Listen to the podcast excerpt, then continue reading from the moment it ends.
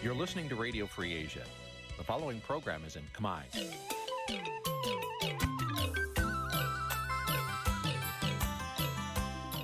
នេះជាកម្មវិធីផ្សាយ Vuthu Azizi Serai នេះជាកម្មវិធីផ្សាយរបស់ Vuthu Azizi Serai ជាភាសាខ្មែរ Vuthu Azizi Serai សូមស្វាគមន៍លោកអ្នកនាងទាំងអស់ពីរដ្ឋធានី Washington នៃសហរដ្ឋអាមេរិក។ ចាប់ផ្សាយផ្ទាល់ពីរដ្ឋធានី Washington នាងខ្ញុំសុជីវីសូមជម្រាបសួរលោកអ្នកនាងអ្នកស្ដាប់វិទ្យុអាស៊ីសេរីទាំងអស់ជាទីមេត្រីយើងខ្ញុំសូមជូនការផ្សាយសម្រាប់យប់ថ្ងៃអាទិត្យចាប់8កើតខែអាសត់ឆ្នាំថោះបញ្ញស័កពុរសករាជ2567ចាប់ដែលត្រូវនៅថ្ងៃទី22ខែតុលា គ្រិស្តសករាជ2023ជាដំបូងនេះសូមអញ្ជើញលោកអ្នកនាង ស្ដាប់ព័ត៌មានប្រចាំថ្ងៃ ដែលមានមេត្តាដូចតទៅ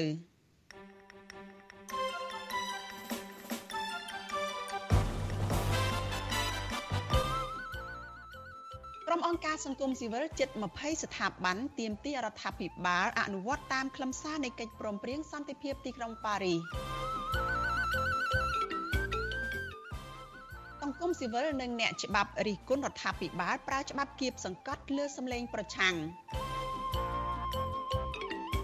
ក្រុមប្រឹក្សាឃុំបកក្ររដ្ឋាភិបាលនៅខេត្តព្រះវិហារថាមេឃុំបកកណ្ដាលអំណាចលាក់បាំងចំណូលនិងចំណាយក្នុងឃុំ បកម្ពុជារបស់ជាតិរងការជន់ឈ្លីឥតឈប់ឈររហូតដល់បាត់បង់អានុភាពរួមនឹងព័ត៌មានសំខាន់សំខាន់មួយចំនួនទៀតចាជាបន្តទៅទៀតនេះនាងខ្ញុំសុជីវីសូមជូនព័ត៌មានទាំងនេះពិស្ដាចលនានាងជាទីមេត្រីក្រុមអង្គការសមាគមដែលធ្វើការងារនៅក្នុងផ្នែកសិទ្ធិមនុស្សសិទ្ធិការងារនិងការបោះឆ្នោតជិត20ស្ថាប័ននៅថ្ងៃទី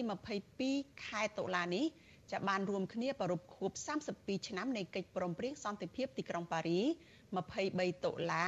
ឆ្នាំ1991ដោយលើកឡើងពីបញ្ហារំលោភសិទ្ធិមនុស្សនិងការរឹតបន្តឹងសិទ្ធិសេរីភាពពលរដ្ឋព្រមទាំងអ្នកនយោបាយបកប្រឆាំង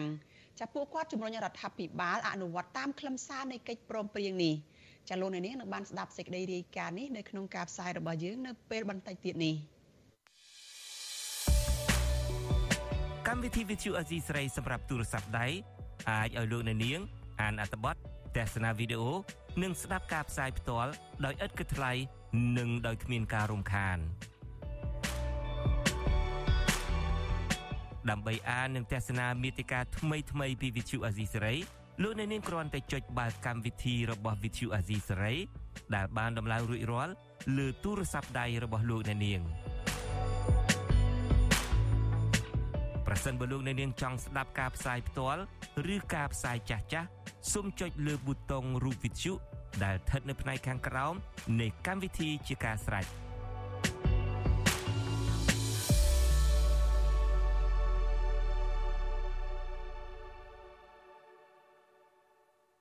ចាលោកនាងកញ្ញាជាទីមេត្រីចាលោកអ្នកកំពុងស្ដាប់វិទ្យុអាស៊ីសេរីចាផ្សាយចេញពីរដ្ឋធានី Washington សហរដ្ឋអាមេរិក។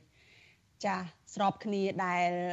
អង្គការសង្គមស៊ីវិលចាប្រមាណជិត20ស្ថាប័នរួមជាមួយនឹងប្រជាពលរដ្ឋមួយចំនួនចានាំគ្នាប្រពខួប32ឆ្នាំនៃកិច្ចព្រមព្រៀងសន្តិភាពទីក្រុងប៉ារីសនៅក្នុងស្រុកនេះចានៅឯក្រៅស្រុកឯនេះវិញចាសហគមន៍ខ្មែរនៅក្រៅប្រទេសក៏នាំគ្នាប្រពខួបនេះដែរចាសហគមន៍ខ្មែរនៅឯប្រទេសអូស្ត្រាលីចានឹងតាមបណ្ដាប្រទេសមួយចំនួនទៀតចាដូចជានៅប្រទេសជប៉ុននិងប្រទេសថៃ ក៏នាំគ្នាប្រពខួបកិច្ចព្រមព្រៀងសន្តិភាពទីក្រុងប៉ារីនៅថ្ងៃទី22ខែតុលាពួកគាត់បដិញ្ញារួបរวมសាមគ្គីគ្នាដើម្បីជំរុញទៅសហគមន៍អន្តរជាតិឲ្យជួយរកដំណោះស្រាយចំនួននយោបាយនៅកម្ពុជាចាលោកថាថៃមានសេចក្តីរាយការណ៍អំពីរឿងនេះជូនលោកអ្នកនាងដូចតទៅដូចរាល់ឆ្នាំដែរប្រជាពលរដ្ឋខ្មែរនៅឯនីសមុទ្រនិងក្រុមអង្គការសង្គមស៊ីវិលឯករាជ្យបានប្ររពខូបនិងទាមទារឲ្យរដ្ឋាភិបាលកម្ពុជាគ្រប់កិច្ចព្រមព្រៀងសន្តិភាពទីក្រុងប៉ារីសឲ្យបានពេញលេញ ដើម្បីជាប្រយោជន៍សម្រាប់ប្រជាជាតិកម្ពុជាគ្រប់ចំនួនការប្រពខូប32ឆ្នាំនៃកិច្ចព្រមព្រៀងសន្តិភាពទីក្រុងប៉ារីសនេះមិនជាពេលវេលាដែលប្រជាពលរដ្ឋខ្មែរជាអ្នកស្រឡាញ់ប្រជាធិបតេយ្យរីករាយនោះទេព្រោះពួកគាត់កំពុងបារម្ភអំពីការដឹកនាំរបស់រដ្ឋាភិបាលលោកហ៊ុនសែននិងលោកហ៊ុនម៉ាណែតធ្វើឲ្យជាតិខ្មែរបែកបាក់និងការដើរជន់ដានប្រវត្តិសាស្ត្រអាក្រក់ឡើងវិញជ័យយោ23ដុល្លារជ័យយោ23ដុល្លារនេះហើយដែលជាសម្លេងនៃរបស់យើងទាំងអស់គ្នាផ្ដល់ទៅជូនដល់ប្រជាពលរដ្ឋ ក្នុងស្រុកកំពុងតែវេទនាជាចាប់មែនតើ ផ្ដើមចេញពីប្រទេសអូស្ត្រាលីអង្គការសម្ព័ន្ធខ្មែរដើម្បីកិច្ចព្រមព្រៀងសន្តិភាពទីក្រុងប៉ារីសឬហៅថាអង្គការ23តុលាបានរៀបចំប្រារព្ធខួបកិច្ចព្រមព្រៀងសន្តិភាពទីក្រុងប៉ារីសនៅព្រឹកថ្ងៃទី22តុលាក្នុងវត្តពុទ្ធរាំងសីក្រុងមែលប៊នពិធីនេះមានការចូលរួមពីតំណាងរាស្ត្រអូស្ត្រាលីតំណាងអង្គការពាក់ព័ន្ធតំណាងគណៈបកសង្គ្រោះជាតិនិងគណៈបកភ្លើងទៀនព្រមទាំងប្រជាពលរដ្ឋប្រមាណ100នាក់ក្រៅពីពិធីរំលឹកខួបកិច្ចព្រមព្រៀងសន្តិភាពទីក្រុងប៉ារីសនេះ អង្គការ23តុលាក៏ធ្វើបុណ្យផ្ការីអង្គាសប្រាក់សម្រាប់ជួយឧបត្ថម្ភការសិក្សារបស់កុមារខ្មែរដែលភៀសខ្លួននៅប្រទេសថៃផងដែរប្រធានអង្គការសម្ព័ន្ធខ្មែរដើម្បីកិច្ចព្រមព្រៀងសន្តិភាពទីក្រុងប៉ារីសលោកអិនណាថ្លែងថាការគោរពសិទ្ធិមនុស្សនិងប្រជាធិបតេយ្យនៅកម្ពុជាបច្ចុប្បន្ននេះដើរប្រឆាចច្រើនពីគោលការណ៍កិច្ចព្រមព្រៀងសន្តិភាពទីក្រុងប៉ារីសដោយសាររដ្ឋាភិបាលឪពុកកូនគឺលោកហ៊ុនសែននិងលោកហ៊ុនម៉ាណែត បន្តធ្វើទុកបុកម្នេញនិងបង្ក្រាបឥតឈប់ឈរទៅលើគណៈបកប្រឆាំងមន្ត្រីសង្គមស៊ីវិលសហជីពនិងសកម្មជនបរិស្ថានជាដើមហើយរៀបចំការបោះឆ្នោតคล้ายៗដើម្បីផ្ទេរអំណាចពីឪពុកទៅកូនលោកអិនណាត់បន្ថែមថាប្រជាពលរដ្ឋខ្មែរចង់ឃើញលោកហ៊ុនម៉ាណែតមានសេចក្តីក្លាហានដោះស្រាយវិបត្តិនយោបាយសង្គមសេដ្ឋកិច្ចនៅកម្ពុជានិងស្ដារទំនាក់ទំនងការទូតជាមួយប្រទេសលោកសេរីឡើងវិញ យើងសូមអំពាវនាវចំពោះលោកនាយករដ្ឋមន្ត្រីហ៊ុនម៉ាណែតសូមឲ្យរាជរដ្ឋាភិបាលរបស់លោកអនុវត្តទៅតាមខ្លឹមសារនៃកិច្ចព្រមព្រៀងសន្តិភាពទីក្រុងប៉ារីសឲ្យបានខ្ជាប់ខ្ជួនព្រោះថាមានតែការអនុវត្តទៅតាមកិច្ចព្រមព្រៀងនេះទេដែលអាចនាំមកនូវការផ្សះផ្សាជាតិឯកភាពជាតិអធិបតេយ្យបរណភាពជាតិឯកភាពឯករាជ្យជាតិនិងការមិនរំលោភឃ្លានពានពីបរទេសមានសន្តិសុខក្នុងតំបន់ ការអភិវឌ្ឍប្រទេសដែលមាននិរន្តរភាពទន្ទឹមនឹងនេះដែរយើងក៏សូមអំពាវនាវយ៉ាងទទូចឲ្យដោះលែងអ្នកទោសមនសិការនិងអ្នកទោសនយោបាយមានដូចជា លោកកឹមសុខា កញ្ញាសេងធីរី កញ្ញាឈឹមស៊ីធរ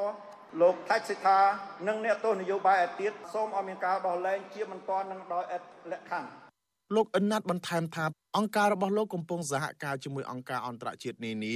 រួមទាំងអង្គការ Save Cambodia ដើម្បីបញ្ជូនមេធាវីទៅអង្គការសហប្រជាជាតិនិងជំរុញទៅសហគមន៍អន្តរជាតិដែលជាប្រទេសហត្ថលេខីឲ្យលើកយកកិច្ចព្រមព្រៀងជាអន្តរជាតិមួយនេះមកដោះស្រាយចំនួននយោបាយនៅកម្ពុជាជាថ្មីម្ដងទៀតសកម្មជនសិទ្ធិមនុស្សនិងដីធ្លីនៅសហគមន៍បង្កក់លោកច័ន្ទពុទ្ធិស័កដែលទើបភៀសខ្លួនមករស់នៅប្រទេសអូស្ត្រាលីរៀបរាប់ថាកិច្ចព្រមព្រៀងសន្តិភាពទីក្រុងប៉ារីស23តុលាឆ្នាំ1991មិនមែនសម្រាប់តែភាគីខ្មែរណាមួយទេ តែសម្រាប់ប្រជាជាតិខ្មែរទាំងមូលប៉ុន្តែលោកសុកស្ដាយដែលរដ្ឋាភិបាលដឹកនាំដោយគណៈបកប្រជាជនកម្ពុជាមិនបានអនុវត្តតាមកិច្ចព្រមព្រៀងសន្តិភាពទីក្រុងប៉ារីសនិងរដ្ឋធម្មនុញ្ញពេញលេញដែលជាហេតុធ្វើឲ្យប្រជាពលរដ្ឋខ្មែរបន្តរងគ្រោះរស់នៅគ្មានសិទ្ធិសេរីភាព និងបែកបាក់ជាតិហើយប្រទេសកម្ពុជាបាត់បង់ឯករាជ្យភាពអធិបតេយ្យភាពនិងបូរណភាពទឹកដីប៉ុន្តែកម្ពុជាបានបាត់បង់អស់ហើយបច្ចុប្បន្ន បាត់បង់អាណាភាពឯករាជ្យអធិបតេយ្យចិនយួនបានធ្វើអាណានិគមពេញបង្កចរាចរណ៍ពេញសុខខ្មែរការបោះឆ្នោតមិនមានភាពសេរីយុត្តិធម៌ការរំលោភបំពានសិទ្ធិដីធ្លីបណ្ដេញប្រជាពលរដ្ឋចេញពីលំនៅឋានបិទសិទ្ធិសេរីភាពប្រជាពលរដ្ឋប្រជាពលរដ្ឋមានធ្វើការចំណាយស្រឹមជាច្រើនម៉ឺនអ្នកទៅធ្វើការនៅក្រៅប្រទេសកម្ពុជាបច្ចុប្បន្នបានហាក់ធ្លាក់នៅក្នុងភាពទុរភិក្ស ធ្ងន់មែនទែនប្រជាពលរដ្ឋគិតមកដល់ពេលនេះកិច្ចព្រមព្រៀងសន្តិភាពទីក្រុងប៉ារីសមានអាយុកាល32ឆ្នាំហើយកិច្ចព្រមព្រៀងសន្តិភាពទីក្រុងប៉ារីសនេះបានជួយប្រែក្លាយកម្ពុជាពីប្រទេសដែលដាច់ដោចដោយសារសង្គ្រាម ទៅជាប្រទេសដែលមានដំណើរការអភិវឌ្ឍល្អចាក់គ្រឹះសន្តិភាពនាំមកនូវប្រជាធិបតេយ្យការឯកភាពជាតិនិងការបង្រួបបង្រួមជាតិព្រមទាំងសេដ្ឋកិច្ចទីផ្សារសេរីលើសពីនេះទៀតកិច្ចព្រមព្រៀងសន្តិភាពទីក្រុងប៉ារីសនេះក៏ជាឯកសារដ៏មានសារៈសំខាន់ជាអន្តរជាតិ ក្នុងទិសដៅការពារអធិបតេយ្យភាពឯករាជ្យភាពអព្យាក្រឹតភាព និងបូរណភាពទឹកដីកម្ពុជាសម្រាប់ខ្មែរគ្រប់ចំនួនបើទោះបីជាបែបនេះក្តីរដ្ឋាភិបាលរបស់លោកហ៊ុនសែននិងកូនប្រុសរបស់លោកគឺលោកហ៊ុនម៉ាណែតបានរងការរិះគន់ថាព្យាយាមលុបបំបាត់កិច្ចព្រមព្រៀងនេះព្រោះពួកលោកកំពុងដឹកនាំប្រទេសតាមបែបផ្ដាច់ការតវងត្រកូលផ្ទុយពីអ្វីដែលមានចែងនៅក្នុងកិច្ចព្រមព្រៀងនេះតំណាងរាស្ត្រអូស្ត្រាលីដើមកំណត់ខ្មែរលោកតាក់មិញហៀងអំពីវនីវ ឲ្យប្រជាពលរដ្ឋខ្មែរនៅអូស្ត្រាលីបន្តសាមគ្គីគ្នានិងរក្សាទឹកចិត្តដ៏ក្តៅគគុកនេះជំរុញនិងរំលឹកទៅរដ្ឋាភិបាលអូស្ត្រាលីដែលជាប្រទេសហត្ថលេខីមួយនៅក្នុងកិច្ចព្រមព្រៀងសន្តិភាពទីក្រុងប៉ារីសដើម្បីឲ្យធ្វើអ្វីមួយឬដើរតួនាទីសំខាន់របស់ខ្លួនឡើងវិញក្នុងការជួយប្រទេសកម្ពុជាលោកបន្តថារដ្ឋាភិបាលសហព័ន្ធអូស្ត្រាលីបានផ្តល់ជំនួយឥតសំណងដល់កម្ពុជានិងជំនួយដល់វិស័យយោធាក្នុងមួយឆ្នាំមួយឆ្នាំប្រមាណជាង100លានដុល្លារ ដែលគិតមកទល់ពេលនេះសរុបជាង1000លានដុល្លារទៅហើយលោកថាថាវិការជំនួយទាំងនេះគឺជាការរួមចំណែកមកពីការបង់ពន្ធរបស់ប្រជាពលរដ្ឋខ្មែរនៅអូស្ត្រាលីដូច្នេះរដ្ឋាភិបាលអូស្ត្រាលីមានទូនាទីសំខាន់ក្នុងការដាក់សម្ពាធឲ្យរដ្ឋាភិបាលកម្ពុជា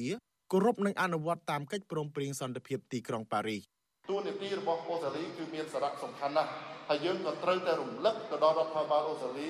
នៅក្នុងខែ3ខាងមុខនេះដែលនាយករដ្ឋមន្ត្រីនៅប្រទេសកម្ពុជានឹងមកចូលរួម កិច្ចប្រជុំកម្ពុជាអាស៊ានសហគមន៍របស់យើងតើយើងត្រៀមធ្វើអ្វីខ្លះហើយតើយើងគួរគិតគូរអ្វីខ្លះដើម្បីរំលឹកទៅដល់រដ្ឋាភិបាលអូស្ត្រាលី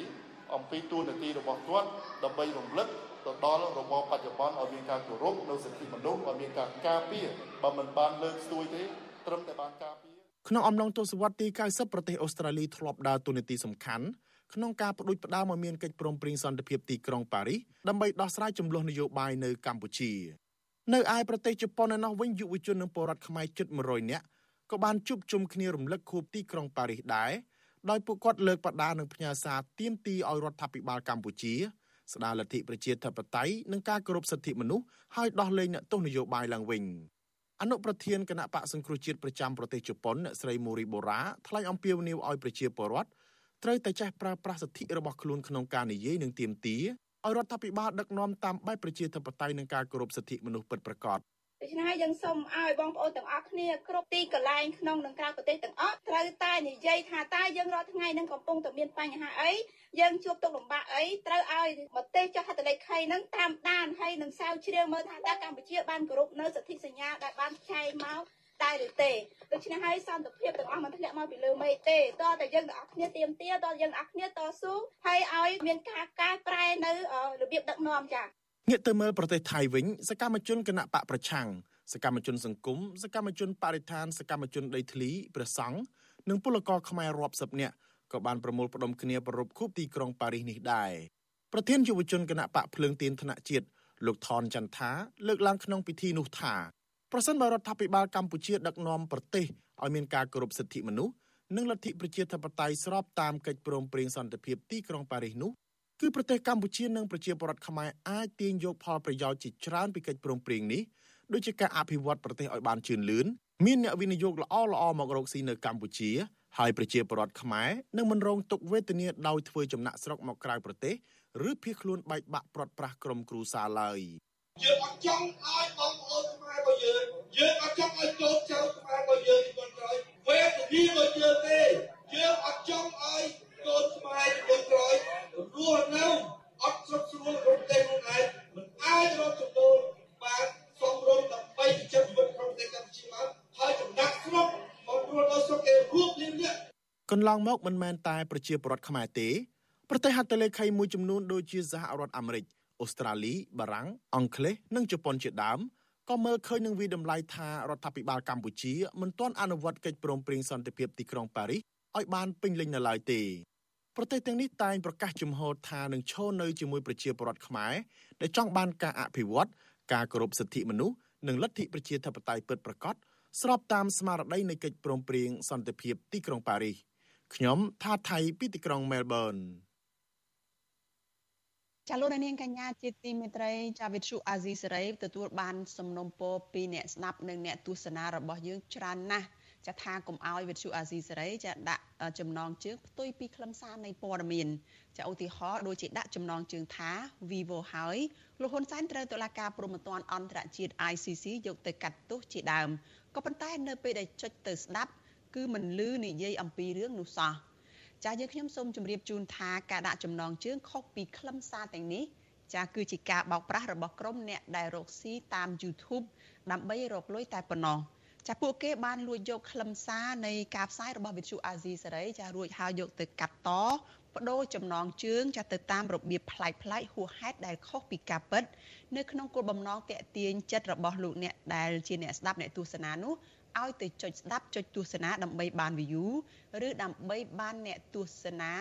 ច្រើនចាំមានអ្នកចុចស្ដាប់កាន់តែច្រើនពួកគេកាន់តែបោកប្រាស់បានប្រាក់ច្រើនដែរចាវិទ្យុអាស៊ីសេរីមិនដែលដាក់ចំណងជើងខុសពីខ្លឹមសារទេចាលោកអ្នកនាងកញ្ញាអាចចូលរួមទប់ស្កាត់ ការបោកប្រាស់ទាំងនេះបានដោយឈប់ចុចស្ដាប់ឬក៏ទស្សនាការចុះផ្សាយណាដែលមានដាក់ចំណងជើងខុសប្លែកគួរឲ្យសង្ស័យទាំងនោះចាជាពិសេសទៅទៀតចាដើម្បីស្ដាប់ឬក៏ទស្សនាព័ត៌មានពិតរបស់វិទ្យុអាស៊ីសេរីចាសូមអញ្ជើញលោកអ្នកនាងចាចូលទៅកាន់ Channel របស់វិទ្យុអាស៊ីសេរីតែម្ដងដែលមានអាសយដ្ឋាន www.youtube.com/ad RFA ខ្មែរចាដែលនោះគឺជាអាសយដ្ឋាន YouTube ពិតប្រាកដរបស់វិទ្យុអាស៊ីសេរីចាសូមអរគុណ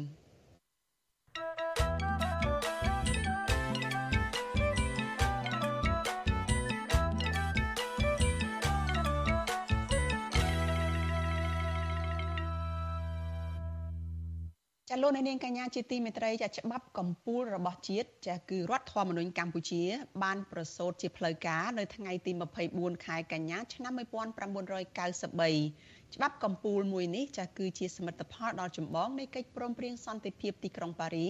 ថ្ងៃទី23ខែតុលាឆ្នាំ1991ដែលបានបិទបញ្ចប់សង្គ្រាមស៊ីវិលរ៉ាំរ៉ៃនៅកម្ពុជាអស់រយៈពេលជាង2ទសវត្សរ៍ តើរដ្ឋធម្មនុញ្ញកម្ពុជានៅរក្សាគុណតម្លៃនិងអនុភាពរបស់ខ្លួនក្នុងនាមជាច្បាប់កម្ពុជារបស់ជាតិដែរឬទេ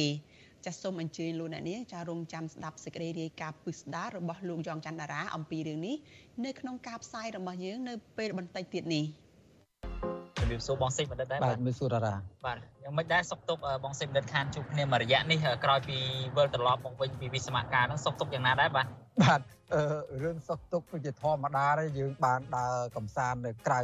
ផ្ទះឆ្ងាយផ្ទះអញ្ចឹងមានអារម្មណ៍ថាអឺដូចជាបានស្វែងយល់ពីអ្វីដែលថ្មីក្នុងរយៈពេល1ឆ្នាំម្ដងឬក៏2ឆ្នាំម្ដងដែរ បងអូនមានទស្សនៈបែបណាដែរដូចថាមានការខកចិត្តឬមួយក៏មានការតូចចិត្តអីយ៉ាងណាដែរនៅពេលដែលភាពសកម្មនិយមរបស់យើងប្រែคล้ายទៅជាបទល្មើសទៅវិញនៅក្នុងខ្សែភ្នែកអាជ្ញាធរហ្នឹងបាទរដ្ឋាតែពិតអញ្ចេះទេតាំងពីខ្ញុំចូលជាមួយនឹងចលនាមេដាធម្មជាតិវាអាចថាដោយសារតែកត្តាទាំងអស់ហ្នឹងកត្តាដែលខ្ញុំឈឺចាប់ខ្ញុំឃើញអំពើអយុត្តិធម៌ខ្ញុំឃើញការទាញយកធនធានធម្មជាតិ ដែលអត់មានតម្លាភាពប៉ះពាល់មកដល់ជីវភាពរបស់ប្រជាជនខ្ញុំឃើញអាការរំលោភច្បាប់ផ្សេងផ្សេងហ្នឹងទើបទៅជំរុញឲ្យខ្ញុំហ្នឹង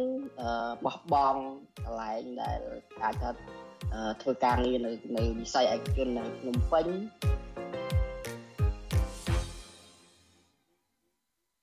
ចាលោកនាងកញ្ញាជាទីមេត្រីចាកម្មវិធី podcast របស់ Vithu Azizi សេរីចាកម្ពុជាសប្តាហ៍នេះចាដែលនៅក្នុងសប្តាហ៍នេះចារៀបចំជូនដោយលោកសីបណ្ឌិតនិងលោកយ៉ងច័ន្ទតារានេះចាបានផ្សាយជូនលោកអ្នកនាងរួចហើយនៅលើប្រព័ន្ធ podcast របស់បណ្ដាញសង្គមមួយចំនួនហើយអឺ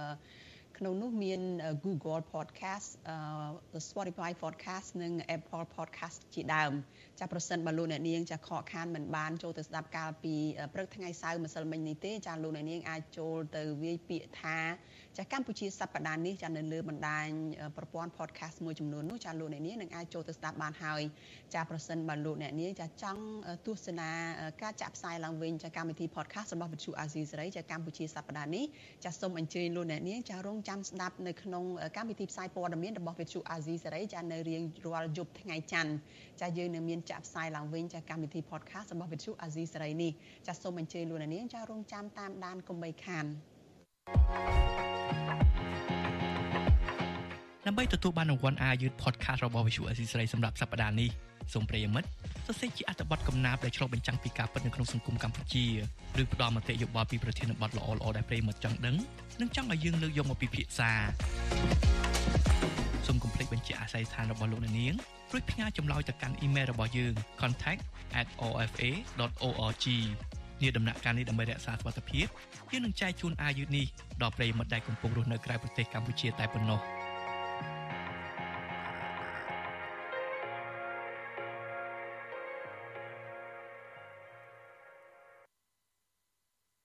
ចាលោកនាងកញ្ញាជាទីមេត្រីចាថ្ងៃទី23ខែតុលាខាងមុខនេះចាគឺជាថ្ងៃខួបចា32ឆ្នាំនៃការបង្កើតកិច្ចព្រមព្រៀងសន្តិភាពទីក្រុងប៉ារីស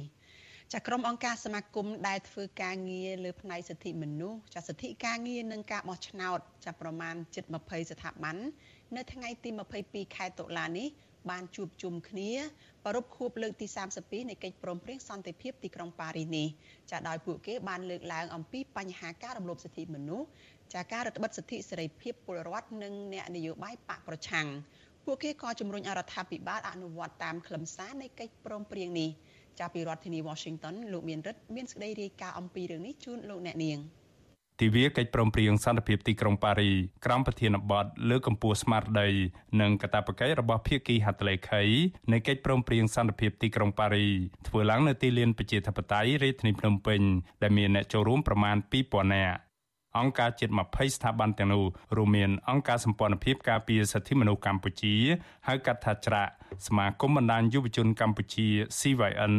សមាគមសម្ព័ន្ធនិស្សិតបញ្ញវន្តខ្មែរ KSILA និងមជ្ឈមណ្ឌលសម្ព័ន្ធភាពការងារសង្ត្រាល់ជាដើមក្រៅពីនេះក៏មានតំណាងមន្ត្រីស្ថានទូតសហរដ្ឋអាមេរិកអូស្ត្រាលីជប៉ុន និងបារាំងចូលរួមផងដែរ ប្រធានសហភាពការងារកម្ពុជា លោកអាត់ធុនលើកឡើងថាបើរដ្ឋាភិបាលអនុវត្តតាមកិច្ចព្រមព្រៀងសន្តិភាពទីក្រុងប៉ារីនោះមិនត្រឹមតែជួយឲ្យកម្ពុជាបញ្ចប់សង្គ្រាមរ៉ាំរ៉ៃនោះទេក៏ប៉ុន្តែក៏អាចជួយដឹកនាំកម្ពុជាឆ្ពោះទៅរកលទ្ធិប្រជាធិបតេយ្យពិតប្រាកដផងដែរ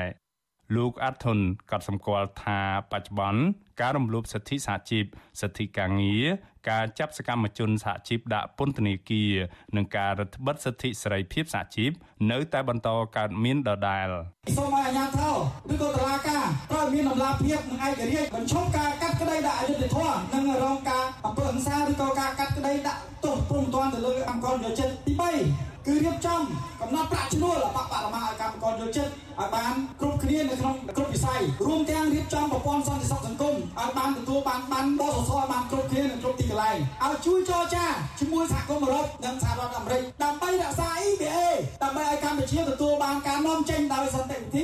ស្រដៀងគ្នានេះដែរសកម្មជនចលនាមេដាធម្មជាតិកញ្ញាមានលីសាលើកឡើងថាក្រុមសកម្មជនចលនាមេដាធម្មជាតិនិងយុវជនមួយចំនួនដែលបានអនុវត្តសិទ្ធិស្របតាមច្បាប់ត្រូវបានអាជ្ញាធរគំរាមកំហែងនិងចោទប្រកាន់មកលើក្រុមយុវជនថាជាក្រុមប្រឆាំងចង់ធ្វើបដិវត្តពណ៌ផ្ដួលរំលំរដ្ឋាភិបាលទៅវិញ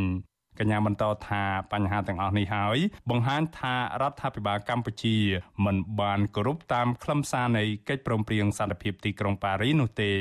ដូច្នេះនេះបានបង្ហាញថារដ្ឋាភិបាលមិនបានយកស្មារតី នៃសន្ធិសញ្ញាកិច្ចព្រមព្រៀងទីក្រុងប៉ារីសនេះមកជាគោលដើម្បីអនុវត្តច្បាប់សម្រាប់ប្រទេសកម្ពុជាទេមានន័យថាសិទ្ធិមនុស្សដែលពួកយើងធ្វើទាំងអស់គ្នាដែលយើងប្រើក្នុងនាមយើងជាពលរដ្ឋខ្មែរត្រូវបានគម្រាមកំហែងប៉ុន្តែខ្ញុំនៅតែមានចិត្តមុខមុតកម្លាំងចិត្តមែនតែនកម្លាំងជំរុញចិត្តពីយុវជនដែលគាត់នៅតែចូលរួមនៅតែគោរពបដិសេធការរបស់ពួកយើង ការលើកឡើងរបស់ក្រមយុវជននិងមន្ត្រីអង្គការសង្គមស៊ីវិលទាំងនោះគឺដោយសារតែពួកគាត់សង្កេតឃើញថារដ្ឋាភិបាលមិនបានគ្រប់តាមខ្លឹមសារនៃកិច្ចព្រមព្រៀងសន្តិភាពទីក្រុងប៉ារីនោះឡើយពលគឺសិទ្ធិសេរីភាពជាមូលដ្ឋាន ដែលមានដូចជាសេរីភាពនៃការជួបជុំជាសាធារណៈការបញ្ចេញមតិនិងសិទ្ធិនយោបាយជាពិសេសសិទ្ធិទទួលបានព័ត៌មានជាដើមមិនត្រូវបានរដ្ឋាភិបាលគ្រប់តាមនោះទេ ផ្ទុយទៅវិញបែរជាមានការចាប់ចងសកម្មជននយោបាយសកម្មជនសង្គមការបិទសារព័ត៌មានឯករាជ្យការប្រើអំពើហិង្សាទៅលើក្រុមអ្នកតវ៉ាក្នុងពេលដែលពួកគាត់ប្រើប្រាស់សិទ្ធិទាមទាររោគយុត្តិធម៌ស្របតាមច្បាប់ក្រៅពីនេះក្រុមអង្គការសង្គមស៊ីវិលក៏បានចេញសេចក្តីថ្លែងការណ៍រួមនៅថ្ងៃដដែលនេះស្នើឲ្យរដ្ឋាភិបាលគ្រប់តាមស្មារតីនៃកិច្ចព្រមព្រៀងសន្តិភាពទីក្រុងប៉ារី ចំនួន6ចំណុច ចំណុចទី1ពួកគេស្នើឲ្យរដ្ឋាភិបាលបញ្ឈប់ការចោទប្រកាន់ទៅលើអ្នកនយោបាយដែលងាកមកបង្រួបបង្រួមជាតិឡើងវិញចំណុចទី2និងទី3ស្នើឲ្យរដ្ឋាភិបាលធ្វើកំណែតម្រង់ច្បាប់បោះឆ្នោតឲ្យបានត្រឹមត្រូវសេរីនិងយុត្តិធម៌និងដើម្បីធានាដល់សិទ្ធិសេរីភាពរបស់ពលរដ្ឋចំណុចទី4រដ្ឋាភិបាលគួរតែបើកលំហសេរីភាពនិងបញ្ឈប់ការយាយីលើអ្នកដែលប្រើប្រាស់សិទ្ធិការពារបរិស្ថាន ចំណែកចំណុចទី5និងទី6ពួកគេស្នើដល់ម្ចាស់ហត្ថលេខីនៃកិច្ចព្រមព្រៀងសន្តិភាពទីក្រុងប៉ារីទាំងអស់ឲ្យជំរុញទៅរដ្ឋាភិបាលកម្ពុជាឲ្យគ្រប់តាមស្មារតីនៃកិច្ចព្រមព្រៀងនេះនៅក្នុងការធានាដល់សេរីភាពសារព័ត៌មានដើម្បីឆ្លើយតបតាមតម្រូវការអភិវឌ្ឍសង្គមជាតិប្រកបដោយចីរភាពវិសុវស៊ីស្រីមិនអាចតតងแนะនាំពាក្យរដ្ឋាភិបាលលោកប៉ែនបូណាដើម្បីសុំការបកស្រាយជុំវិញរឿងនេះបាននៅឡើយទេនៅថ្ងៃទី22ខែតុលា កិច្ចព្រមព្រៀងសន្តិភាពទីក្រុងប៉ារីដែលមានឈ្មោះជាផ្លូវការថាកិច្ចព្រមព្រៀងស្តីពីដំណោះស្រាយនយោបាយរួមមួយនៃចំនួនកម្ពុជាបាននាំមកនូវការឯកភាពគ្នារវាងគូទំនាស់ទាំង4ភាគីដើម្បីបញ្ចប់សង្គ្រាមរក្សាសន្តិភាពបង្រួបបង្រួមជាតិស្ដារប្រទេសកម្ពុជាឡើងវិញធានាឲ្យមានការគោរព ការការពារនិងបំពេញកាតព្វកិច្ចខាងសិទ្ធិមនុស្សព្រមទាំងដឹកនាំប្រទេសកម្ពុជាឆ្ពោះទៅរកលទ្ធិប្រជាធិបតេយ្យសេរីភូប៉ាការគោរពអធិបតេយ្យឯករាជ្យភាព និងបូរណភាពទឹកដីជាដើមកន្លងមករដ្ឋាភិបាលដែលដឹកនាំដោយអតីតនាយករដ្ឋមន្ត្រីលោកហ៊ុនសាន បានដើរបញ្ច្រាស់ខ្លឹមសារនៃកិច្ចព្រមព្រៀងសន្តិភាពមួយនេះដោយប្រើប្រាស់ប្រព័ន្ធតុលាការធ្វើជាអាវុធដើម្បីរំលាយគណៈបពប្រឆាំងកាលពីឆ្នាំ2017 ផាត់ចោលគណៈបកភ្លើងទៀនមិនឲ្យចូលរួមបោះឆ្នោតជាតិឆ្នាំ2023និងចាប់ចងសកម្មជនគណៈបកប្រឆាំងរាប់សិបនាក់ដាក់ពន្ធនាគារនិងបង្ខំឲ្យចោះចូលជាមួយគណៈបកកណ្ដាលអំណាចជាថ្នូវបដូរយកសេរីភាពជាដើម ជាងនេះទៅទៀតលោកហ៊ុនសែននិងមន្ត្រីរបស់លោកមួយចំនួន តែងបកស្រាយថាកិច្ចព្រមព្រៀងជាប្រវត្តិសាស្ត្រមួយនេះបានស្លាប់បាត់ទៅហើយដែលបញ្ហានេះត្រូវបានក្រមយុវជននិងអង្គការសង្គមស៊ីវិលចាត់ទុកថាជាការបកស្រាយផ្ទុយពីការពិត។ ក្រុមអង្គការសង្គមស៊ីវិលលើកឡើងថារដ្ឋាភិបាលថ្មីរបស់លោកហ៊ុនម៉ាណែតគួរតែលុបបំបាត់បពុនិយម និងក្រុមគ្រួសារនិយមហើយងាកមកកិត្តគូពីផលប្រយោជន៍ជាតិជាធំ ដើម្បីធ្វើឲ្យកម្ពុជាឆ្ពោះទៅរកលទ្ធិប្រជាធិបតេយ្យពេញលេញខ្ញុំបានមេរិត Visual Asia ស្រីពីរដ្ឋធានី Washington ចាលោកនាងកញ្ញាជាទីមេត្រីចាកិច្ចព្រមព្រៀងសន្តិភាពទីក្រុងប៉ារីសចាដែលបានបង្កើតឡើងនៅក្នុងឆ្នាំ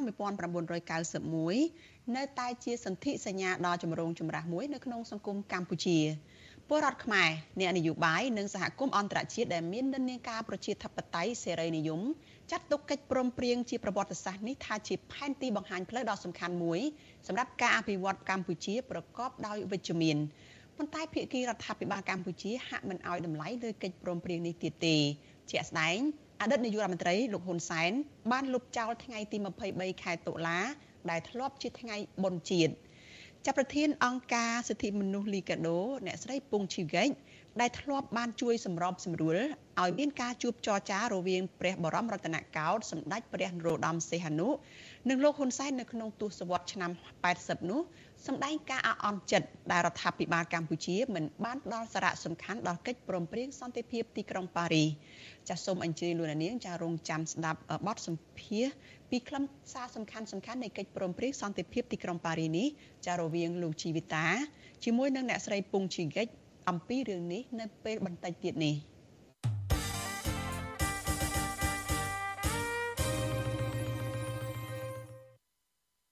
ចាលោកនាងកញ្ញាជាទីមេត្រីចាយើងងាកទៅព័ត៌មានតកតនឹងការដឹកនាំនៅថ្នាក់មូលដ្ឋានឯណោះចាក្រមប្រឹក្សាឃុំនៅឃុំរំដោះស្រុករវៀងខេត្តព្រះវិហារ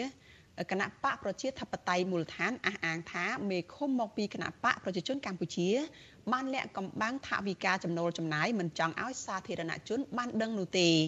មន្ត្រីអង្គការសង្គមស៊ីវិលលើកឡើងថាចំពោះថាវិការនៅក្នុងឃុំគឺត្រូវប្រកាសជាសាធារណៈដើម្បីឲ្យពលរដ្ឋបានដឹងជៀសវាងមានការសង្ស័យជាប់ពាក់ព័ន្ធនឹងអំពើពុករលួយចាលោកជាតិចំណានមានសេចក្តីរាយការណ៍អំពីរឿងនេះជូនលោកអ្នកនាងដូចតទៅ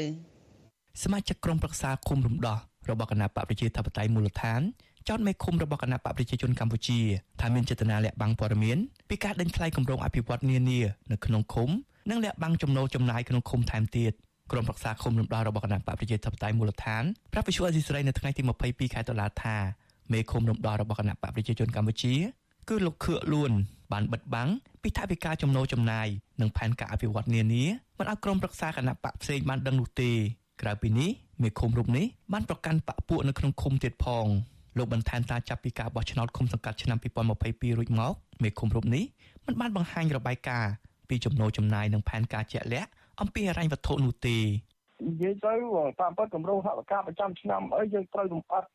រាល់ឆ្នាំមួយឆ្នាំទៅម្ដងឆ្នាំនេះត្រូវធ្វើសម្រាប់2024នៅចុងឆ្នាំមួយមួយធ្វើសម្រាប់ឆ្នាំក្រោយមួយទៀតដូចជា2022បោះឆ្នោតហើយត្រូវធ្វើគម្រោងថវិកាសម្រាប់2023ប៉ុន្តែគេអត់បង្ហាញច្រើនទេគឺគាត់ថាលុយមានប៉ុណ្ណាឆ្នាំទៅគេថាលុយមាន174លានជាងហ្នឹងទៅរួចត្រង់ធ្វើផ្លូវប៉ុណ្ណេះធ្វើនេះប៉ុណ្ណេះតែដឹងថាធ្វើផ្លូវអីទេ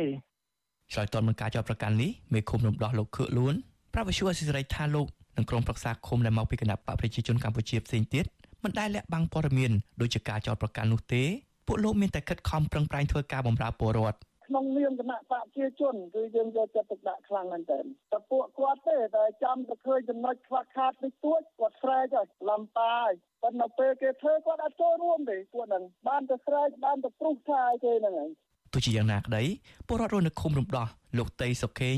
លើកឡើងថាប្រជាពលរដ្ឋនៅក្នុងឃុំមួយនេះតែងតែចង់ដឹងអំពីថវិកានៅក្នុងឃុំទុកសម្រាប់អភិវឌ្ឍក៏ប៉ុន្តែពួកគេមិនដឹងនោះទេ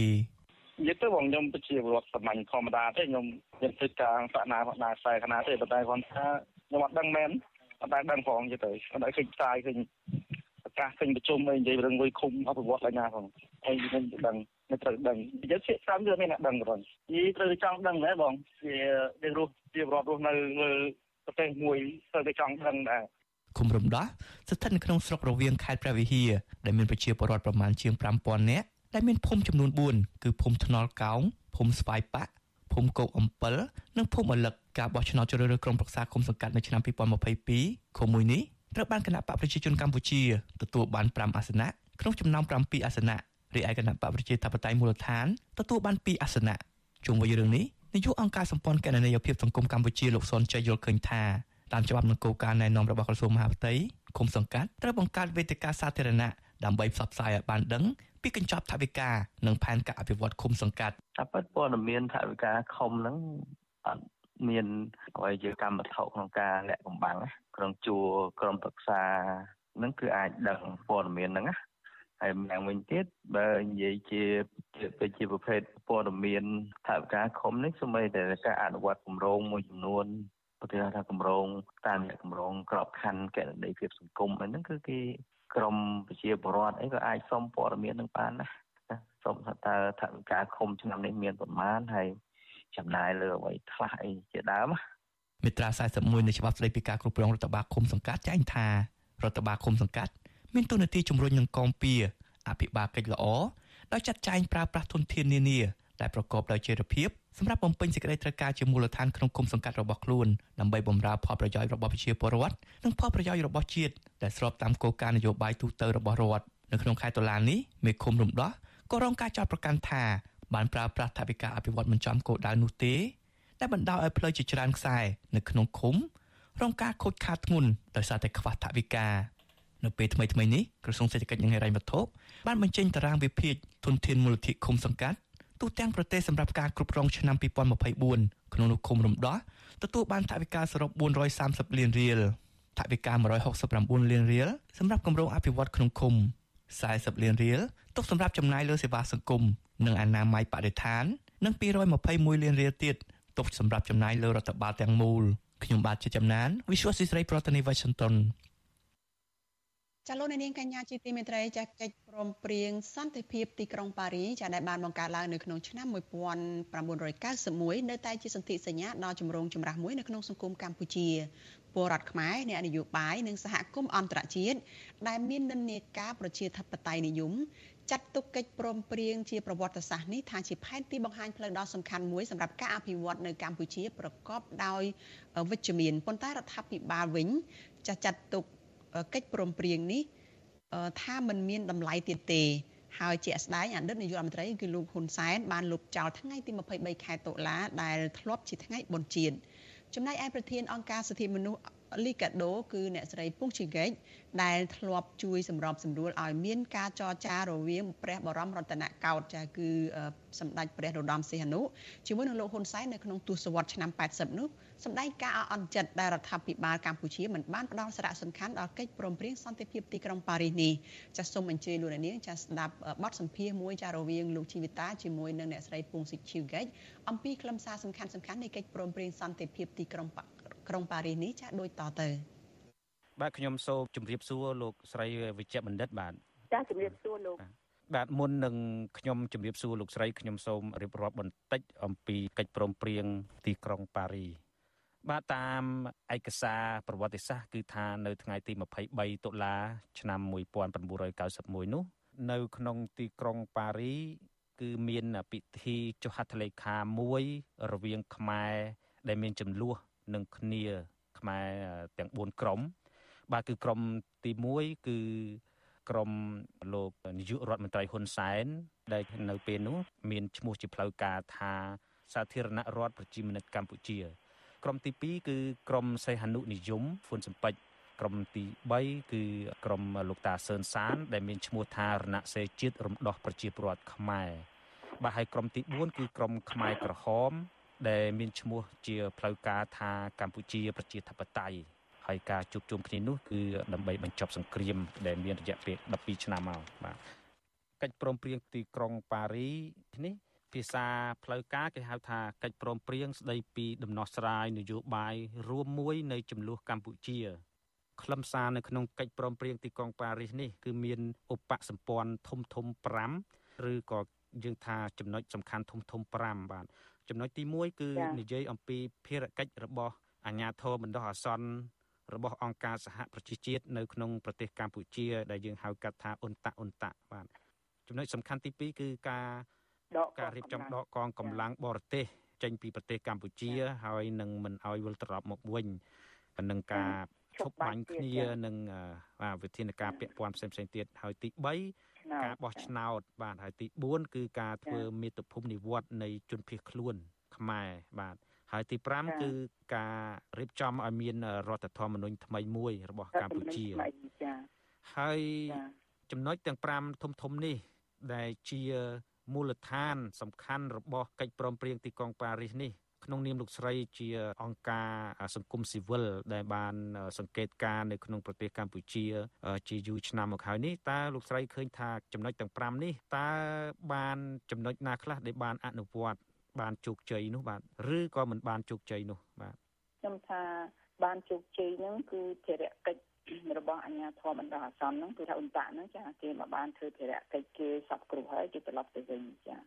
ហើយដកកងកម្លាំងការឈប់បាញ់ហ្នឹងមានមែនពេលហ្នឹងឈប់បាញ់ឈប់អីហើយប៉ុន្តែនៅតែមានការតគ្នាមកទៀតជាមួយខ្មែរក្រហមចាការឈប់បាញ់ហ្នឹងមិនទាន់បានសម្រេចមែនទែនល្អទេពេលហ្នឹងការបោះឆ្នោតចាឧបសម្ព័ន្ធទី3ការបោះឆ្នោតខ្ញុំឃើញថាបោះឆ្នោតបានគ្រាន់បើដែរពេលហ្នឹងឃើញថាអ៊ុនតាក់ អង្គការសហជីវគេអ្នករៀបចំអញ្ចឹងខ្ញុំឃើញថាបាន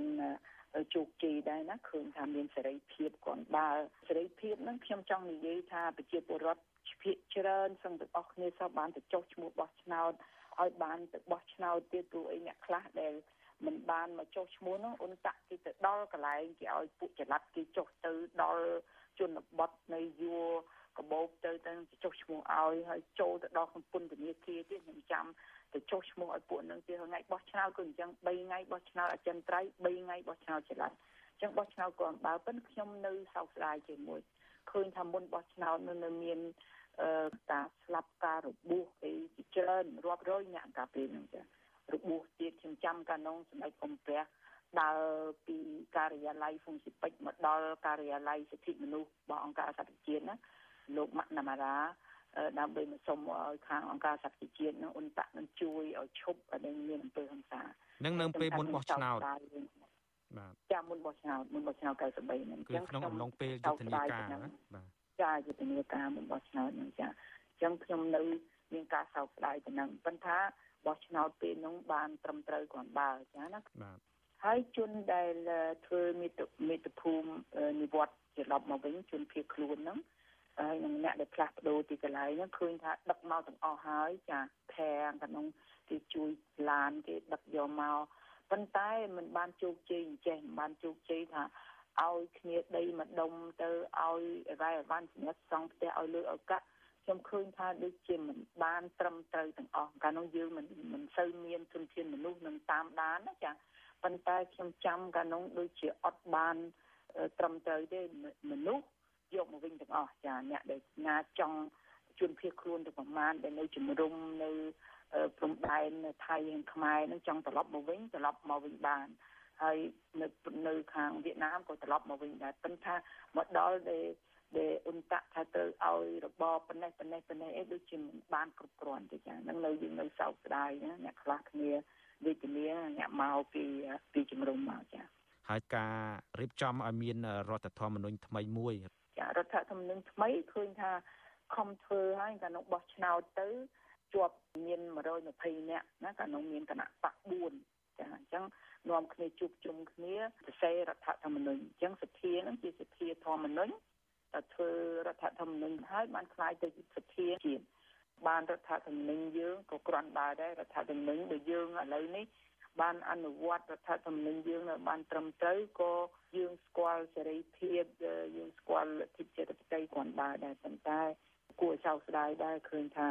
ដ្ឋធម្មនុញ្ញយើងដែលប្រសេទីនឹង93ហ្នឹងយើងមិនសូវបានអនុវត្តយើងមិនសូវបានគោរពប្រមាណទេចាអញ្ចឹងនៅការខ្វះខាតហើយមានតទៅទៀតខ្ញុំចង់និយាយមួយម៉ាត់ពីកិច្ចព្រមព្រៀងទីក្រុងប៉ារីហ្នឹងស្ដីពីការស្ដារនិងកសាងប្រទេសកម្ពុជាឡើងវិញប្រទេស18ហ្នឹង ដែលនៅក្នុងនឹងយើងឃើញថាប្រទេសមហាប្រទេស5ហ្នឹងដែលជាក្រុមប្រឹក្សាអចិន្ត្រៃយ៍សន្តិសុខរបស់អង្គការសហប្រជាជាតិហ្នឹងគឺអាមេរិកចិនអតីតសូវៀតហ្នឹងចាហើយនឹងបារាំងហើយអង់គ្លេសហ្នឹងនៅក្នុងនឹងដែរយើងឃើញថាម្ចាស់ជំនួយហ្នឹងខំប្រឹងពី93ហ្នឹងរហូតដល់ឥឡូវហ្នឹងរាល់ឆ្នាំប្រគល់លុយមកជូនប្រទេសកម្ពុជាយើងនឹងប្រហែលជាពាក់កណ្ដាលថវិកាជាតិណា ដើម្បីអកសាងនិងស្ដារប្រទេសកម្ពុជាឡើងវិញហ្នឹងដោយសារមានកិច្ចព្រមព្រៀងទីក្រុងប៉ារីហ្នឹងលោកស្រីចង់មានប្រសាសន៍ថាដោយសារតែកិច្ចព្រមព្រៀងសន្តិភាពទីក្រុងប៉ារីនេះឯងទើបនាំឲ្យសហគមន៍អន្តរជាតិនៅបន្តផ្ដល់ជំនួយមកកសាងប្រទេសកម្ពុជារហូតមកដល់បច្ចុប្បន្ននេះអញ្ចឹងលោកស្រីចាហើយមួយឆ្នាំមួយឆ្នាំជួបគ្នាម្ចាស់ជំនួយនឹងខំជំរុញឲ្យរដ្ឋាភិបាលយើងលោកធ្វើនេះធ្វើនោះណា ធ្វើកែតម្រង់ប្រព័ន្ធតុលាការប្រឆាំងអំពើពុកអលួយនិយាយពីរឿងដីសម្បត្តិនិយាយពីរឿងចំនួនដីធ្លីអីហ្នឹងលក្ខណៈលក្ខគេតែងតែលើករឿងហ្នឹងសូមថាបានប្រទេសកម្ពុជាយើងសន្យាថាធ្វើអញ្ចេះធ្វើអញ្ចេះដល់មួយឆ្នាំប្រជុំទៅមកដូចតែសេចក្តីសន្យាហ្នឹងมันបានគោរពណាចាព្រោះនៅក្នុងហ្នឹងចានៅក្នុងកិច្ចព្រមព្រៀងទីក្រុងប៉ារីហ្នឹងមាននិយាយដែរថាប្រ ព័ន្ធតុលាការកម្ពុជាយើងត្រូវតែឯករាជ្យអញ្ចឹងយើងអត់ទាន់បានធ្វើឲ្យទៅជាឯករាជ្យហើយការគោរពសិទ្ធិមនុស្សហ្នឹងក៏អញ្ចឹងទៀតចាបាននិយាយច្បាស់ថាប្រទេសកម្ពុជាសន្យាចាសន្យាទៅជាបកជាខ្មែរសន្យាថានឹងធានាគោរពនិងប្រតិបត្តិតាមសិទ្ធិមនុស្សនិងសេរីភាពជាមូលដ្ឋាននៅកម្ពុជាចា៎ហើយគ្រប់គ្រងសិទ្ធិរបស់ ពលរដ្ឋកម្ពុជាទាំងអស់ក្នុងការធ្វើសកម្មភាពដែលជំរុញនិងការពារសិទ្ធិមនុស្សនិងសេរីភាពជាមូលដ្ឋានបានន័យថាដូចជាអង្គការមិនមែនរដ្ឋាភិបាលមានសកម្មភាពធ្វើជំរុញនិងលើកស្ទួយសិទ្ធិមនុស្សដែលគេហៅឥឡូវគេហៅថាអ្នកការពារសិទ្ធិមនុស្សហ្នឹងណាអញ្ចឹងទៅតែរដ្ឋាភិបាលគ្រប់គ្រងចាអញ្ចឹងអត់បានគ្រប់គ្រប់គ្រងខ្លះមិនគ្រប់គ្រងខ្លះតែមានការចាប់ដាក់ពន្ធនាគារលក្ខណៈហើយកិច្ចព្រមព្រៀង ធ្វើម៉េចចុះសញ្ញាប័ណ្ណសិទ្ធិសញ្ញាទៅប្រមាណហ្នឹងចាឃើញតែចុះហើយ92ពេលដែលមានឧត្តមក្រមប្រឹក្សាជាតិណាចាឃើញតែចុះសញ្ញាប័ណ្ណតាំងពីនោះមកដូចជាមិនសូវរវល់តទៅទៀតហើយមិនសូវគោរពសិទ្ធិសញ្ញាអន្តរជាតិស្ដីពីសិទ្ធិនោះព្រោះយើងអត់ធ្វើច្បាប់ច្បាប់ជាតិយើងឲ្យសមស្របទៅនឹងច្បាប់អន្តរជាតិយើងអត់បានធ្វើអាហ្នឹងអាហ្នឹងគឺខាងសិទ្ធិមនុស្សខ្ញុំថាមិនសូវបានជោគជ័យទេចាមិនសូវបានលទ្ធផលច្រើនទេចា បាទតាមលោកស្រីយល់ហេតុអ្វីបានលោកនាយករដ្ឋមន្ត្រីហ៊ុនសែនមិនចង់ឲ្យថ្ងៃទី23តុលាជាថ្ងៃបុណ្យជាតិតទៅទៀតបាទខ្ញុំមិនដឹងហេតុអ្វីបានជារដ្ឋាភិបាលយើងលោកមិនមិនចង់ឲ្យតម្លៃដល់កិច្ចព្រមព្រៀងទីក្រុងប៉ារីនឹងតទៅទៀតខ្ញុំមានតែការសោកស្ដាយមួយមុខទេចាឲ្យខ្ញុំចេះតែរំលឹក ដើម្បីឲ្យបងប្អូនយើងជាច្រើនលោកនៅនឹករឿងកិច្ចព្រមព្រៀងទីក្រុងប៉ារីហ្នឹងខ្ញុំបានបោះរាប់ពាន់ក្បាលកិច្ចព្រមព្រៀងទីក្រុងប៉ារីហ្នឹងជាខ្មែរហើយជាអង់គ្លេសហ្នឹងខ្ញុំចង់ឲ្យបងប្អូនយើងនៅយកកិច្ចព្រមព្រៀងហ្នឹងមកមើលមកអនុវត្តមកលើករឿងហ្នឹងមកជជែកកុំភ្លេចប្រសាសន៍ព្រោះថាបើយើងនៅតែយកកិច្ចព្រមព្រៀងទីក្រុងប៉ារីនោះមកជជែកប្រហែលជារដ្ឋាភិបាលយើងលោកនឹកឃើញខ្លះព្រោះអីលោកមិនអាចភ្លេចបានទេ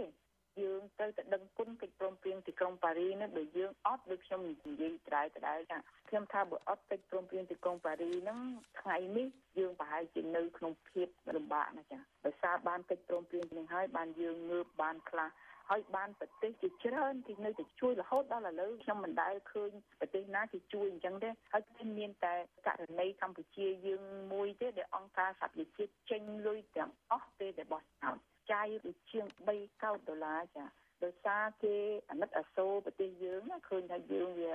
រងគ្រោះមែនតើ ដូច្នេះបើយើងនាំគ្នាឲ្យតម្លៃទៅកិច្ចព្រមព្រៀងទីក្រុងប៉ារីនេះយើងនាំគ្នាមកអនុវត្តឲ្យបានល្អខ្ញុំជឿជាក់ថាយើងអាចកសាងប្រទេសយើងបានល្អពួកអង្គការសហជីវជាតិគេអនុវត្តបានគ្រាន់បើដែរចាព្រោះអីគេឃើញថាប្រទេសកម្ពុជាយើងរងគ្រោះដោយសារមានរឿងការរំលោភយ៉ាងធ្ងន់ធ្ងរសិទ្ធិមនុស្សហ្នឹងចា យើងងាកទៅមើលទួលស្លែងមើលឃើញទួលស្លែងហ្នឹងឃើញថារំលោភសិទ្ធិមនុស្សមែនតើរាប់ម៉ឺនអ្នកទៅបាត់បង់ជីវិតនៅទួលស្លែងហ្នឹងអញ្ចឹងហើយបានជាគេចាប់អារម្មណ៍ណាក្នុងកិច្ចព្រមព្រៀងទីក្រុងប៉ារីហ្នឹងគេមិនចង់ឲ្យមានការរំលោភសិទ្ធិមនុស្សនឹងទៅទៀតហើយអគ្គលេខាធិការអង្គការសហប្រជាជាតិបានចាត់តាំងអ្នកតំណាងពិសេសចាប់តាំងពី93មកហើយមានឲ្យការិយាល័យឧត្តមស្នងការមួយនៅធ្វើការតាំងពី93មក ដូច្នេះគេនៅតែជួយយើងប៉ុន្តែយើងខ្លួនយើងខាងក្នុងយើងមិនសូវអនុវត្តនេះឥឡូវយើងអត់ទាំងឲ្យតម្លៃទៀតផងព្រោះយើងគិតថាថ្ងៃហ្នឹងលែងគិតជាថ្ងៃឈប់ហើយចាសម្រាប់ជាតិហើយចាអញ្ចឹងខ្ញុំមានការសោកស្ដាយណាអ្នកខ្លះបានលើកឡើងថាកិច្ចព្រមព្រៀងនេះជាឯកសារមូលដ្ឋាន ដែលនាំឲ្យប្រទេសកម្ពុជាឈានទៅដល់បង្កើតនៅរដ្ឋធម្មនុញ្ញថ្មីមួយ ហើយដូច្នេះកិច្ចព្រមព្រៀងទីក្រុងប៉ារី នេះក៏វាអស់សុពលភាព ក្នុងការអនុវត្តតទៅទៀតហើយចំពោះលោកស្រីលោកស្រីយល់ឃើញយ៉ាងម៉េចដែរខ្ញុំមិនយល់អញ្ចឹងទេចាតែផ្ទុយទៅវិញខ្ញុំនៅតែនឹកឃើញថាយើងគួរតែងាកទៅព្រៀងទីក្រុងប៉ារីហ្នឹងទៅហើយប្រទេស18ហ្នឹងដែលគេមកចុះហត្ថលេខាជាមួយយើងហ្នឹងគេក៏នៅចាំអញ្ចឹងដែរចាអ្នកខ្លះសប្បាយចិត្តពេលដែលខ្ញុំរលឹកទៅរឿងកិច្ចព្រមព្រៀងទីក្រុងប៉ារីហ្នឹងវិញចា ដូច្នេះយើងអាចយកកិច្ចព្រមព្រៀងទីក្រុងប៉ារីមកធ្វើជាមូលដ្ឋានមួយអនុវត្តបានតតទៅទៀតចាខ្ញុំយល់ថាបើកុំមានកិច្ចព្រមព្រៀងទីក្រុងប៉ារីហ្នឹងក៏ប្រហែលគេឈប់ជួយយើងហើយមើលទៅចាដោយសារលោកស្រីគិតថាវា មើលទៅវាមិនមែនត្រឹមតែជាកិច្ចព្រមព្រៀងរវាងភាគីខ្មែរទាំង4ទេដោយសារមានអ្នកចុះហត្ថលេខាជាបណ្ដាប្រទេសធំតូចទាំង18ប្រទេសហើយរួមទាំងហត្ថលេខារបស់អគ្គលេខាធិការអង្គការសហប្រជាជាតិទៀតផងដូច្នេះវាជាសន្ធិសញ្ញារវាងប្រទេសដែរអញ្ចឹងលោកស្រីចាខ្ញុំយល់អញ្ចឹងគេខំប្រឹងប្រែងជួយយើងណាស់ដែរចាដើម្បីឲ្យយើងបានចេញរួចផុតពីទុកទោសយើងព្រោះវាឃើញថាយើងវេទនាណែនចាប់តាំងពី1970ទៅរហូតដល់ ថ្មីថ្មីនេះចាយើងសង្គ្រាមគឺថានៅជាប់អញ្ចឹងហើយមើលឥឡូវនឹងចប់មកគេនៅតែជួយរឿងដោះមានយើងឃើញទេចាគេនៅតែជួយស៊ីម៉ាក់បកគលលុយមកស៊ីម៉ាក់ទុកតែប្រហែលឆ្នាំមុននឹងមានរឿងអាស្រូវនៅក្នុងស៊ីម៉ាក់នឹងផ្អើលទៅនឹងខ្ញុំជិតផិតភ័យហ្នឹងតិចគេកាត់លុយមែនតែនទៅបានថវិកាណាមកជួយដោះមានព្រោះមាននៅតែជាបញ្ហាមួយដែលធ្វើឲ្យប្រជាពលរដ្ឋខ្មែរយើងរងគ្រោះ ថាគេនៅតែឲ្យចឹងឥឡូវស៊ីម៉ាក់នៅតែមានដំណើរការនៅតែដោះមានចឹងដោះមិនដឹងកាលបានអស់ទេចូលរាប់លានមានតែដាក់នោះចាដូច្នេះខ្ញុំជឿជាក់ថាបើរដ្ឋាភិបាលយើងលោកយកកិច្ចព្រមព្រៀងទីក្រុងប៉ារីមកអនុវត្តឲ្យបានច្រើនខ្ញុំជឿជាក់ថាប្រទេស18ហ្នឹងនៅតែជួយយើងអញ្ចឹងចា ខ្ញុំសង្ឃឹមថាប្រទេសកម្ពុជាយើងណាទៅអនាគតទៅយើងនឹងស្គាល់សេរីភាពពេញលេញមែនតែនណាដែលជាមូលដ្ឋាននៃគោលការណ៍លទ្ធិប្រជាធិបតេយ្យមែនតែនហើយសូមពេលបោះឆ្នោតម្ដងម្ដងខ្ញុំមិនចង់ឃើញឲ្យមានការស្លាប់ជៀសផុតពីអំពើហិង្សាពីអំពើរំលោភសិទ្ធិមនុស្សអីលក្ខណៈចា៎ សូមថ្លែងអំណរគុណដល់លោកស្រីវិជ្ជបណ្ឌិតពងជឺកែកដល់អាណ័យកបការដែលបានចំណាយពេលផ្ដល់បទសម្ភាសយ៉ាងក្បោះក្បាយអំពីកិច្ចព្រមព្រៀងទីក្រុងប៉ារីសដែលជាកិច្ចព្រមព្រៀងមួយនាំទៅដល់ការបញ្ចប់សង្គ្រាមនៅក្នុងប្រទេសកម្ពុជានាំឲ្យមានការបោះឆ្នោតនិងរដ្ឋធម្មនុញ្ញថ្មីបាទសូមអរគុណច្រើនបាទចាសូមអរគុណអរគុណអរិសរី ចាលោកនាងកញ្ញាជាទីមេត្រីលោកអ្នកទើបបានស្ដាប់បទសម្ភាសន៍ចារវាងលោកជីវិតាជាមួយនឹងអ្នកស្រីពងជីកៃចាប្រធានអង្គការលីកាដូចាតកតងទៅនឹងខ្លឹមសារសំខាន់សំខាន់នៃកិច្ចព្រមព្រៀងសន្តិភាពទីក្រុងប៉ារីចាលោកនាងជាទីមេត្រីចារដ្ឋធម្មនុញ្ញកម្ពុជាបានប្រសូតជាផ្លូវការនៅថ្ងៃទី24ខែកញ្ញាឆ្នាំ1993ចាច្បាប់នេះគឺជាសមិទ្ធផលចម្បងនៃកិច្ចព្រមព្រៀងសន្តិភាពទីក្រុងប៉ារីចាតារដ្ឋធម្មនុញ្ញកម្ពុជារក្សាគុណតម្លៃនិងអធិភាពនិងអនុភាពរបស់ខ្លួននៅក្នុងនាមជាច្បាប់កម្ពុជារបស់ជាតិដែរឬទេចាសសូមអញ្ជើញលោកនាងចាសស្ដាប់សេចក្តីរាយការណ៍ពិស្ដាររបស់លោកយ៉ងច័ន្ទតារាអំពីរឿងនេះដូចតទៅរដ្ឋធម្មនុញ្ញកម្ពុជាមានអាយុកាល30ឆ្នាំគត់គិតត្រឹមឆ្នាំ2023នេះច្បាប់កម្ពុជាមួយនេះបានឆ្លងកាត់ការកែប្រែឬវិសោធនកម្មចំនួន10លើកនិងការបង្កើតច្បាប់ធម្មនុញ្ញបន្ថែមចំនួន1 ប្រធានក្រុមប្រឹក្សាធម្មនុញ្ញនិងជាសមាជិកអចិន្ត្រៃយ៍នៃគណៈបកប្រជាជនកម្ពុជាលោកអឹមឈុនលឹមមានប្រសាសន៍ក្នុងទិវារំលឹកខួប30ឆ្នាំនៃការប្រកាសឲ្យប្រើរដ្ឋធម្មនុញ្ញកាលពីថ្ងៃទី6ខែតុលាឆ្នាំ2023នេះថាការសាររើរដ្ឋធម្មនុញ្ញចំនួន11លើកកន្លងទៅនោះគឺដើម្បីដោះស្រាយបញ្ហាការជាប់គាំងនយោបាយនិងធានានៅដំណើរការជាប្រក្រតីនៃស្ថាប័នជាតិ ការអនុវត្តរដ្ឋធម្មនុញ្ញក្នុងរយៈពេល30ឆ្នាំកន្លងមកនេះព្រះរាជាណាចក្រកម្ពុជាសម្រេចបាននូវសមិទ្ធផលធម្មនុញ្ញដ៏ថ្លៃថ្លាស្របតាមឆន្ទៈដែលបានសរសេរចរិតក្នុងបទដ្ឋាននៃរដ្ឋធម្មនុញ្ញក្នុងការកសាងប្រទេសជាតិឲ្យទៅជាកោះសន្តិភាពឡើងវិញពេញបរិបូរណ៍នៅក្រោមម្លប់ដ៏ត្រជាក់នៃព្រះករុណាព្រះមហាក្សត្រជាទីគោរពសក្ការៈដ៏ខ្ពង់ខ្ពស់បំផុត។ គ្រប់ស្ថាប័នជាតិធានាបានការប្រព្រឹត្តទៅដោយទៀងទាត់នៃអំណាចសាធារណៈប្រទេសជាតិមានការវិវត្តរីកចម្រើនឆាប់រហ័សប្រែមុខមាត់ថ្មីប្រកបដោយកិត្តិយស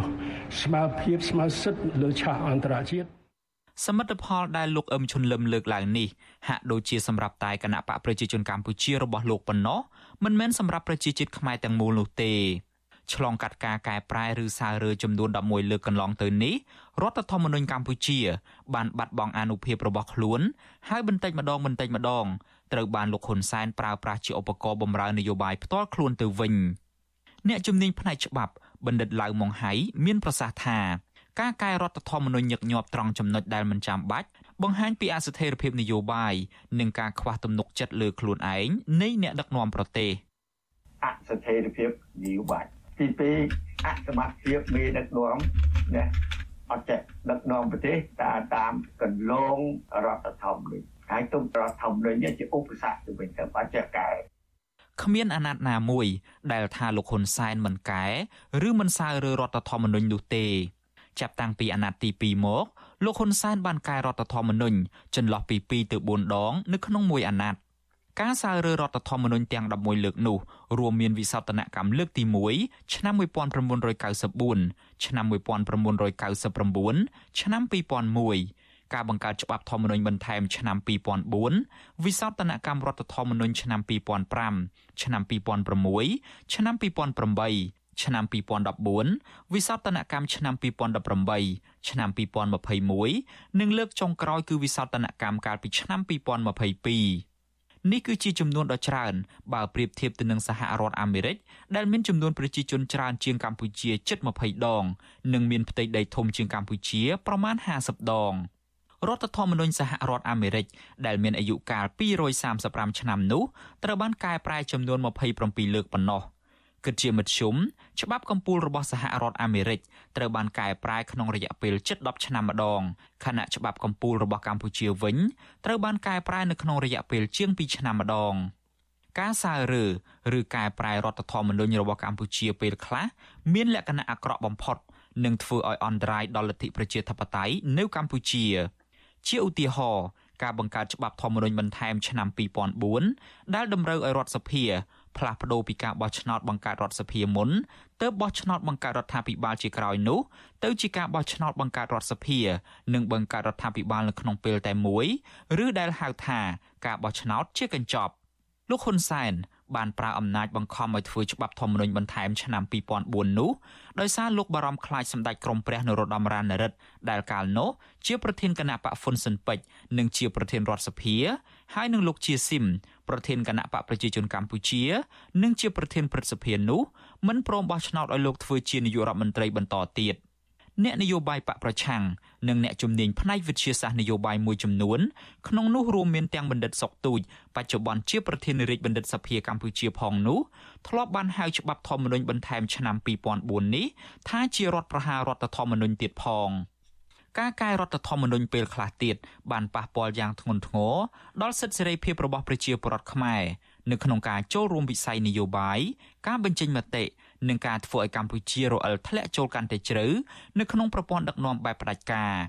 ជាឧទាហរណ៍ការកែរដ្ឋធម្មនុញ្ញកាលពីឆ្នាំ2018ដើម្បីកំណត់សិទ្ធិបោះឆ្នោត និងសិទ្ធិឈរឈ្មោះបោះឆ្នោតហើយបទបញ្ញត្តិដកសិទ្ធិបោះឆ្នោត និងសិទ្ធិឈរឈ្មោះឲ្យគេបោះឆ្នោតឲ្យត្រូវកំណត់នៅក្នុងច្បាប់